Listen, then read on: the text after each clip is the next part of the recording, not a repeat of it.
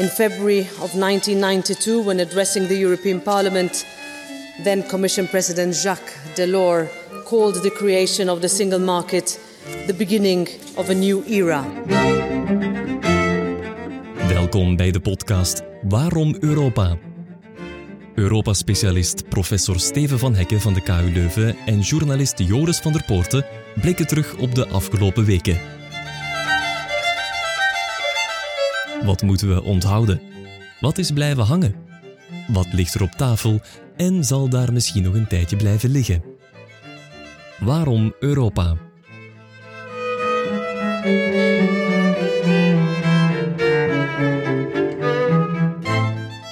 We blikken terug op een maand waarin Kroatië lid werd van de eurozone en de Schengenzone.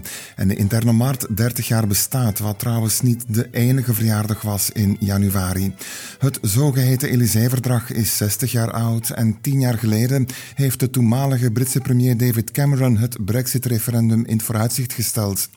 Zijn land was nu 50 jaar geleden bij de Europese Club gekomen, samen met Ierland en Denemarken. Allemaal ronde getallen, verjaardagen en de aanleiding voor een gesprek met professor Steven van Hekken en zoals steeds ook een gast, Philip Abraham, professor internationale economie aan de KU Leuven en de Vlerik Business School. Dag heren. Dag Jonas. Mag ik tutoyeren, Philip? Zeker. Dan is de eerste vraag meteen voor jou. 30 jaar vrij verkeer van goederen, personen, diensten en kapitaal in de grootste interne markt ter wereld, de Europese Unie. Hoe maak jij de balans op? Wat heeft het economisch opgeleverd? De balans is zeker positief. Er zijn in die 30 jaar enorm veel zaken bijgesteld. Vele barrières die er bestonden op verschillende vlakken, ook op het gebied van regulering, zijn geharmoniseerd of gedeeltelijk geharmoniseerd. Um, niettemin is het zo dat ondanks dit zeer positieve aspect, en dat heeft een zeer grote economische um, positieve gevolgen gehad, dat er toch nog een heel aantal gevolgen, uh, aspecten zijn waar die interne markt niet volledig is. Concreet? Bijvoorbeeld in de uh, interne markt voor diensten zijn er nog allerlei belemmeringen waar bepaalde beroepen uh, door verschillende lidstaten anders worden geïnterpreteerd, zodat bijvoorbeeld het vrij verkeer van diensten of ook zelfs het vrij verkeer van personen daardoor in uh, moeilijkheden. Denken we aan de medische sector bijvoorbeeld? De medische sector is er daar één van, maar je kunt ook bijvoorbeeld denken aan bepaalde vrije beroepen, zoals notaris, architect en zo verder. Ja. Steven, helemaal in het begin van deze aflevering hoorden we Europees Parlementsvoorzitter Metsola tijdens die viering van de 30ste verjaardag. Ze citeerde de toenmalige commissievoorzitter Jacques Delors. We staan aan het begin van een nieuw tijdperk, zei hij. Is dat geworden? Ja, dat denk ik wel. De interne markt is natuurlijk zelf ouder. Die gaat terug op de verdragen van Rome.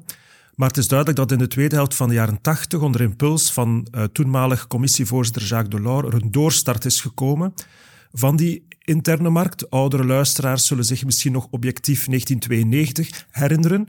De idee dat tegen 31 december 1992 zoveel mogelijk belemmeringen van de interne markt moesten weggewerkt worden. Vandaar 1 januari 1993 de interne markt. Zeker een doorstart. Maar het werk is ook niet af. Ook vandaag is we nog volop bezig. Dat kan ook niet anders. Er zijn altijd nieuwe sectoren die vragen om vrijmaking van inderdaad goederen, diensten uh, en personen, zodat het vrij verkeer mogelijk is. Denk bijvoorbeeld aan de digitale markt, waar men natuurlijk 30 jaar geleden nog niet kon veel, zich bij veel voorstellen. Vandaag is dat ook een echte werf om die marktwerking te vervolledigen. Ja, ik wil nog eens terugkeren naar die viering van 30 jaar interne markt in het Europees Parlement. Ook Eurocommissaris Vestager, bevoegd voor concurrentiebeleid, heeft toen het woord genomen.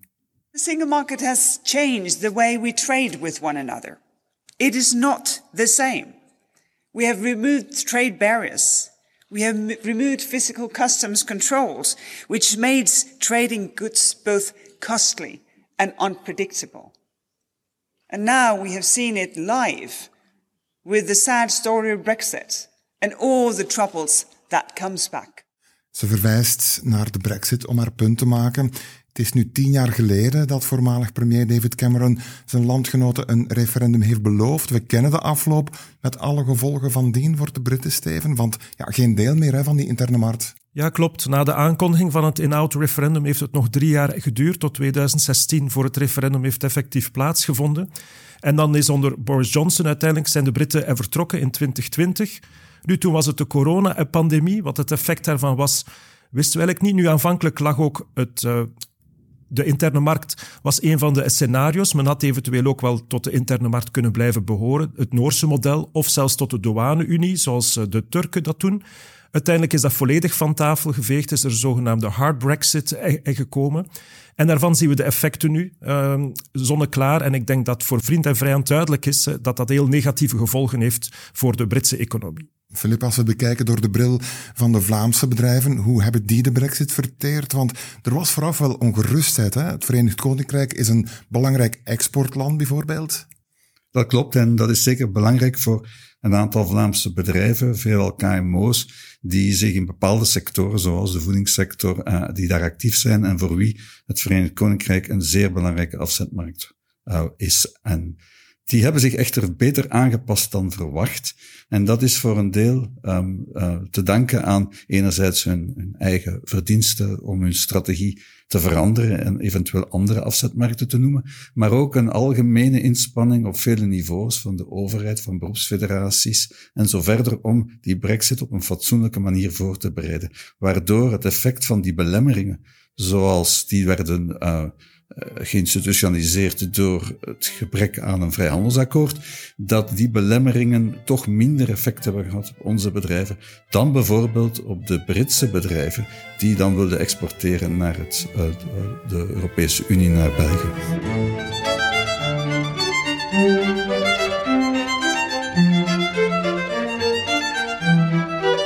We Europeans have a plan. A Green Deal industrial plan. Our plan to make Europe the home of clean tech and industrial innovation on the road to net zero.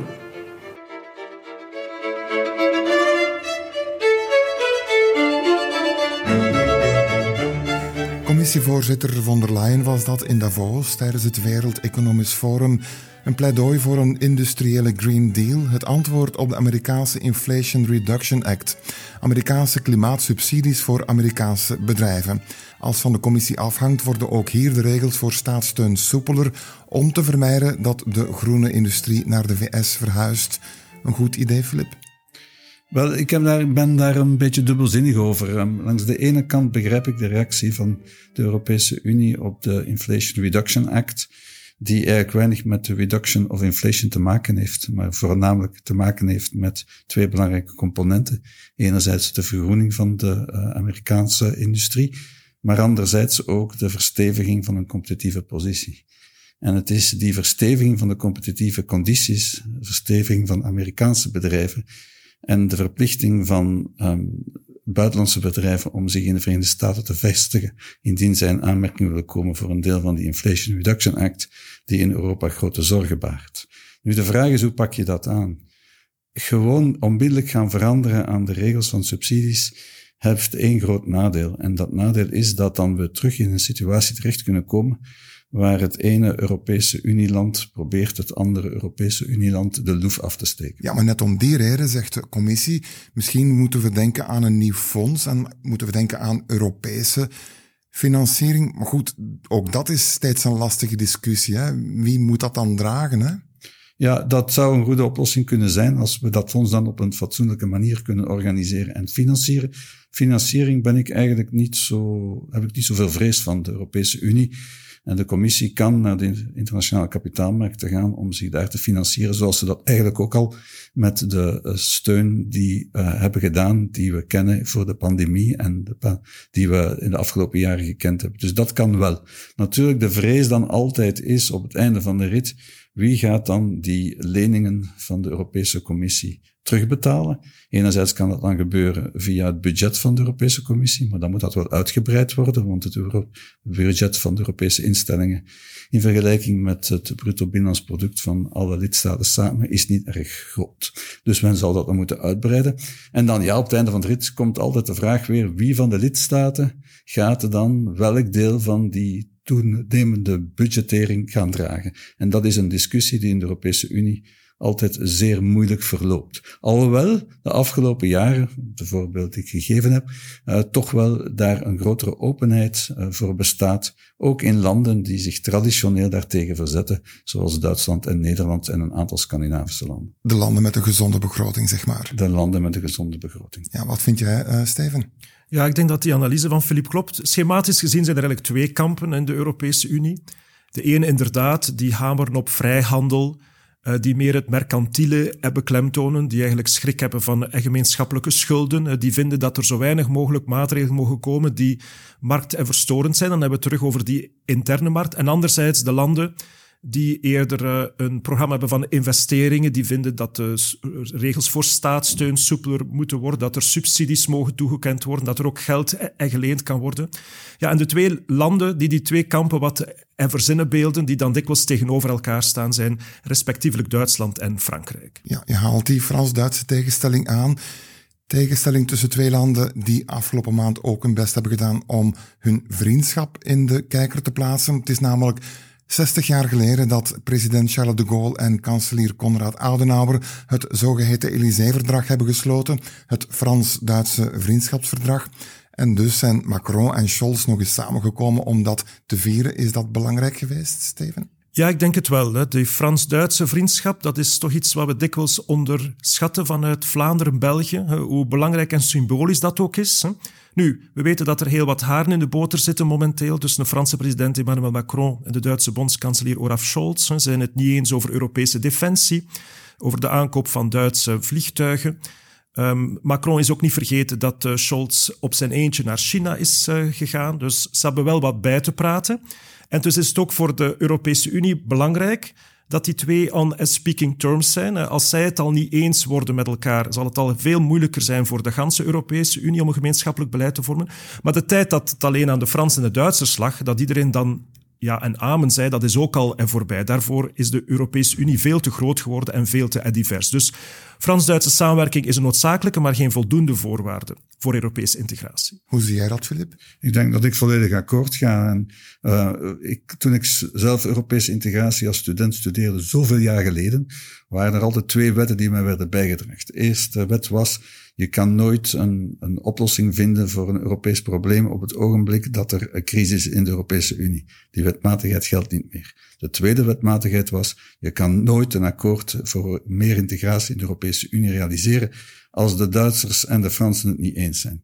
Dat geldt nog altijd, maar zoals gezegd, het, vroeger was het in die zin simpeler, in de zin dat als de twee landen het eens waren, de rest wel zou volgen.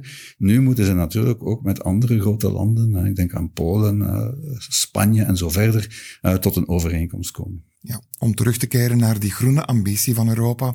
Sinds januari is Zweden voorzitter van de Europese Unie. Het land gaat dus de Europese ministerraden voorzitten.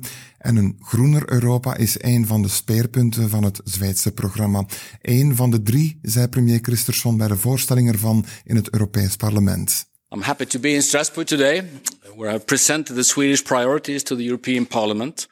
And in short, our priorities for the six months ahead are to help make Europe greener, safer and freer. Greener, safer and freer. Those are the key words. Nu, voor de volledigheid, hij begon wel met de veroordeling van de Russische agressie in Oekraïne en zaken als een vrijer, groener en veiliger Europa koppelt hij daaraan, bijvoorbeeld door minder afhankelijk te worden van energie uit Rusland.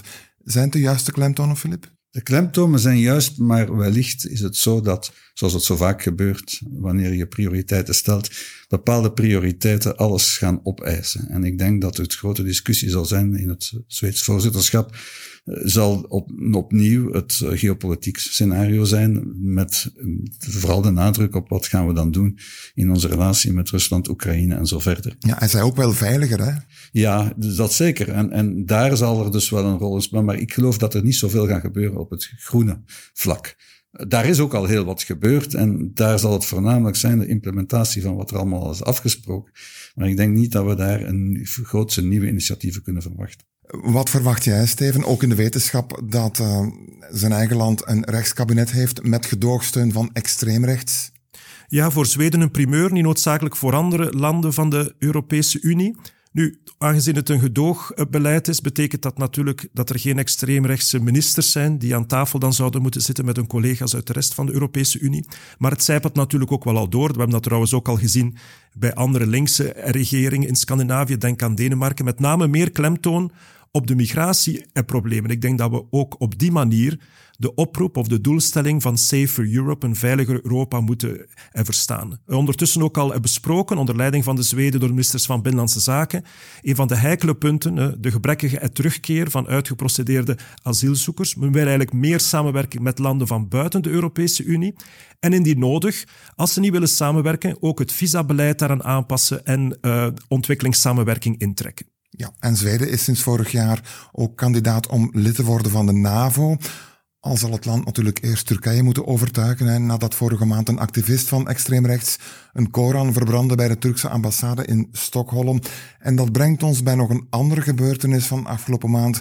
De Europese Unie en de NAVO hebben een verklaring ondertekend om hun partnerschap verder uit te diepen. NAVO-secretaris-generaal Stoltenberg. We have just signed the third NATO-EU joint declaration to further advance the strategic partnership between NATO and the European Union. This is more important than ever. Almost a year ago, hours after Russia's uh, invasion of Ukraine, on the 24th of February, the three of us met uh, together here uh, at the NATO headquarters. President Putin wanted to take Ukraine in a few days and to divide us. On both counts, he has clearly failed. Behalve door Stoltenberg is het document ondertekend door commissievoorzitter von der Leyen en de voorzitter van de Europese Raad, Charles Michel, die eraan toevoegde dat Poetin in plaats van minder net meer NAVO en EU heeft gekregen. Een terechte vaststelling, Steven? Ik denk het wel. Vladimir Poetin heeft zich duidelijk mispakt aan die oorlog. En een van de misrekeningen uh, is zeker die van de NAVO. De NAVO is niet verdeelder, maar meer verenigd. En ze is bovendien nog uitgebreid, of toch minstens potentieel. In de feiten werken de Zweden en de Finnen nu al samen met de NAVO. Het formeel lidmaatschap moet nog volgen. Wat onder meer betekent, wat hij eigenlijk wou voorkomen, dat hij zich nog meer omsingeld voelt. En met name ook Kaliningrad, de Russische enclave. Die, is, die zal binnenkort dan helemaal aan de uh, Oostzee omsingeld zijn door NAVO-lidstaten. Hoe zie jij dat, Filip? Wat is jouw analyse? Ik denk dat uh, het feit dat ook de Europese Unie en de NAVO opnieuw een samenwerkingsakkoord hebben ondertekend, dat dat eigenlijk een, een, goede zaak is om de eenvoudige reden dat in de Europese Unie al lang een discussie bestaat of men een eigen defensiemechanisme moet gaan uitbouwen. Die, dat stoot op allerlei bezwaren, onder andere de bevoegdheden die de Europese Unie al dan niet heeft op het gebied van defensie. En daarom is het beter dat men nu toch beslist heeft om te blijven investeren en meer te investeren, meer samen te werken tussen NATO en de Europese Unie, in plaats van dat de Europese Unie op zijn eentje nog zou proberen een eigen defensiesysteem te gaan ontwikkelen. Uh, dat vind ik erg goed. Um, natuurlijk zal het moeten blijken of die eenheid die we nu hebben, en dat die toch wel een aantal maanden stand houdt, of die gaat blijven duren, als, het Oekraïne als de Oekraïne-oorlog een, een, zeer lange uh, termijn aanhoudt. Maar um, ik denk dat we daar toch redelijk optimistisch kunnen over zijn. En het valt mij iedere keer op dat landen van buiten de Europese Unie zich nogal mispakken op de eenheid die er kan zijn op het ogenblik van een crisis. Kijk naar de brexit, we hebben het daar straks over gehad. Uh, men was overtuigd in het Verenigd Koninkrijk dat het maar zes maanden zou duren of de Europese Unie zou uit elkaar gespeeld worden. Is niet gebeurd. Als je kijkt naar de Poetin, Poetin heeft zich duidelijk misrekend op de eenheid die er bestaat. En dat is van Europa als in het geheel en voor de NATO in het bijzonder en de Europese Unie nog meer in het bijzonder een zeer goede zaak.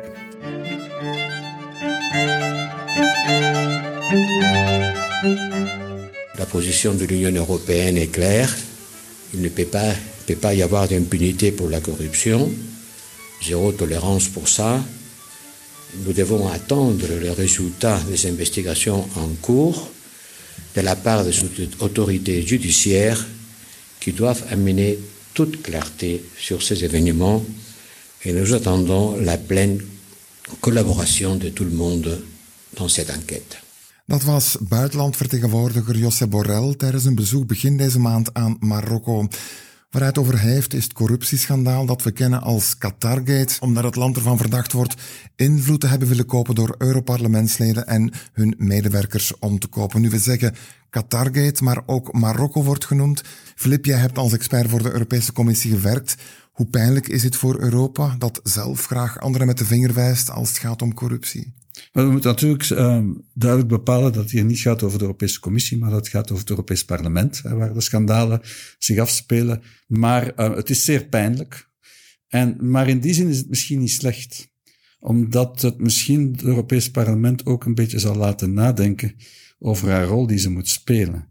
Wat je heel vaak merkt, vaak merkt buiten de Europese Unie, als je met mensen spreekt van andere landen, dan ergert men zich zeer sterk aan het gepreek, zoals het dan genoemd wordt, van het Europees Parlement over rechten en zo verder. Uh, terwijl men zegt, ja kijk, wij hebben ons eigen beleid, wij weten wel wat we doen. Wij moeten daar in Europa zeker niet mee akkoord gaan met die benadering. Maar uh, we moeten ook wel oppassen dat we ons niet uh, in heel de wereld gaan gedragen als het geweten van de wereld. Want dat wordt in een aantal andere landen echt niet in dank afgenomen. Ja, Borrell deed die uitspraak die we hoorden tijdens een persconferentie met de Marokkaanse minister van Buitenlandse Zaken, Nasser Bourita, die zelf niet rechtstreeks inging op het schandaal, maar vaststelde dat het partnerschap tussen Marokko en de Europese. Le Maroc euh, défendra ses intérêts et le Maroc compte sur ses partenaires pour défendre ce partenariat. C'est un partenariat, comme je l'ai dit, un partenariat de voisinage géographique, de valeurs partagées et d'intérêts convergents. Et c'est autour de ces trois paramètres que le Maroc continuera à travailler avec l'Union européenne. Ja, waar staan we intussen, Steven? Ik begrijp de aarzeling van de uh, Marokkaanse minister, want hij vreest natuurlijk uh, dat het feit dat zijn land wordt genoemd als een boemerang gaat terugkeren. Dat men aanvankelijk heeft getracht Marokko op een beter plaatje te brengen in het Europese parlement, dat het wel eens aan een averechts effect zou kunnen zijn. En dat denk ik ook. Ik denk dat het Europese parlement vandaag de dag met argusogen alles zal volgen wat met Marokko te maken heeft. En dat dat dus ja, moeilijkere onderhandelingen, lastiger zal worden. Eh, maar Marokko blijft natuurlijk wel een, belangrijk land eh, voor de Europese Unie. Misschien niet van de orde van het Verenigd Koninkrijk of Oekraïne, maar een grote Marokkaanse gemeenschap in Spanje, Frankrijk, België, Nederland. Belangrijk voor handel, voor het toerisme, voor visserij ook. En we zullen dan toch met dat land moeten blijven samenwerken. Maar allicht zal het voor Joseph Borrell nog meer dan vroeger op eieren lopen zijn. Oké, bedankt voor dit gesprek, Steven van Hekken, Europa-specialist aan de KU Leuven, en Filip Abraham, professor internationale economie aan diezelfde universiteit en ook de Vlerik Business School. En u, beste luisteraar, bedankt om deze podcast te beluisteren. In onze volgende aflevering blikken we terug op de maand februari. Tot dan.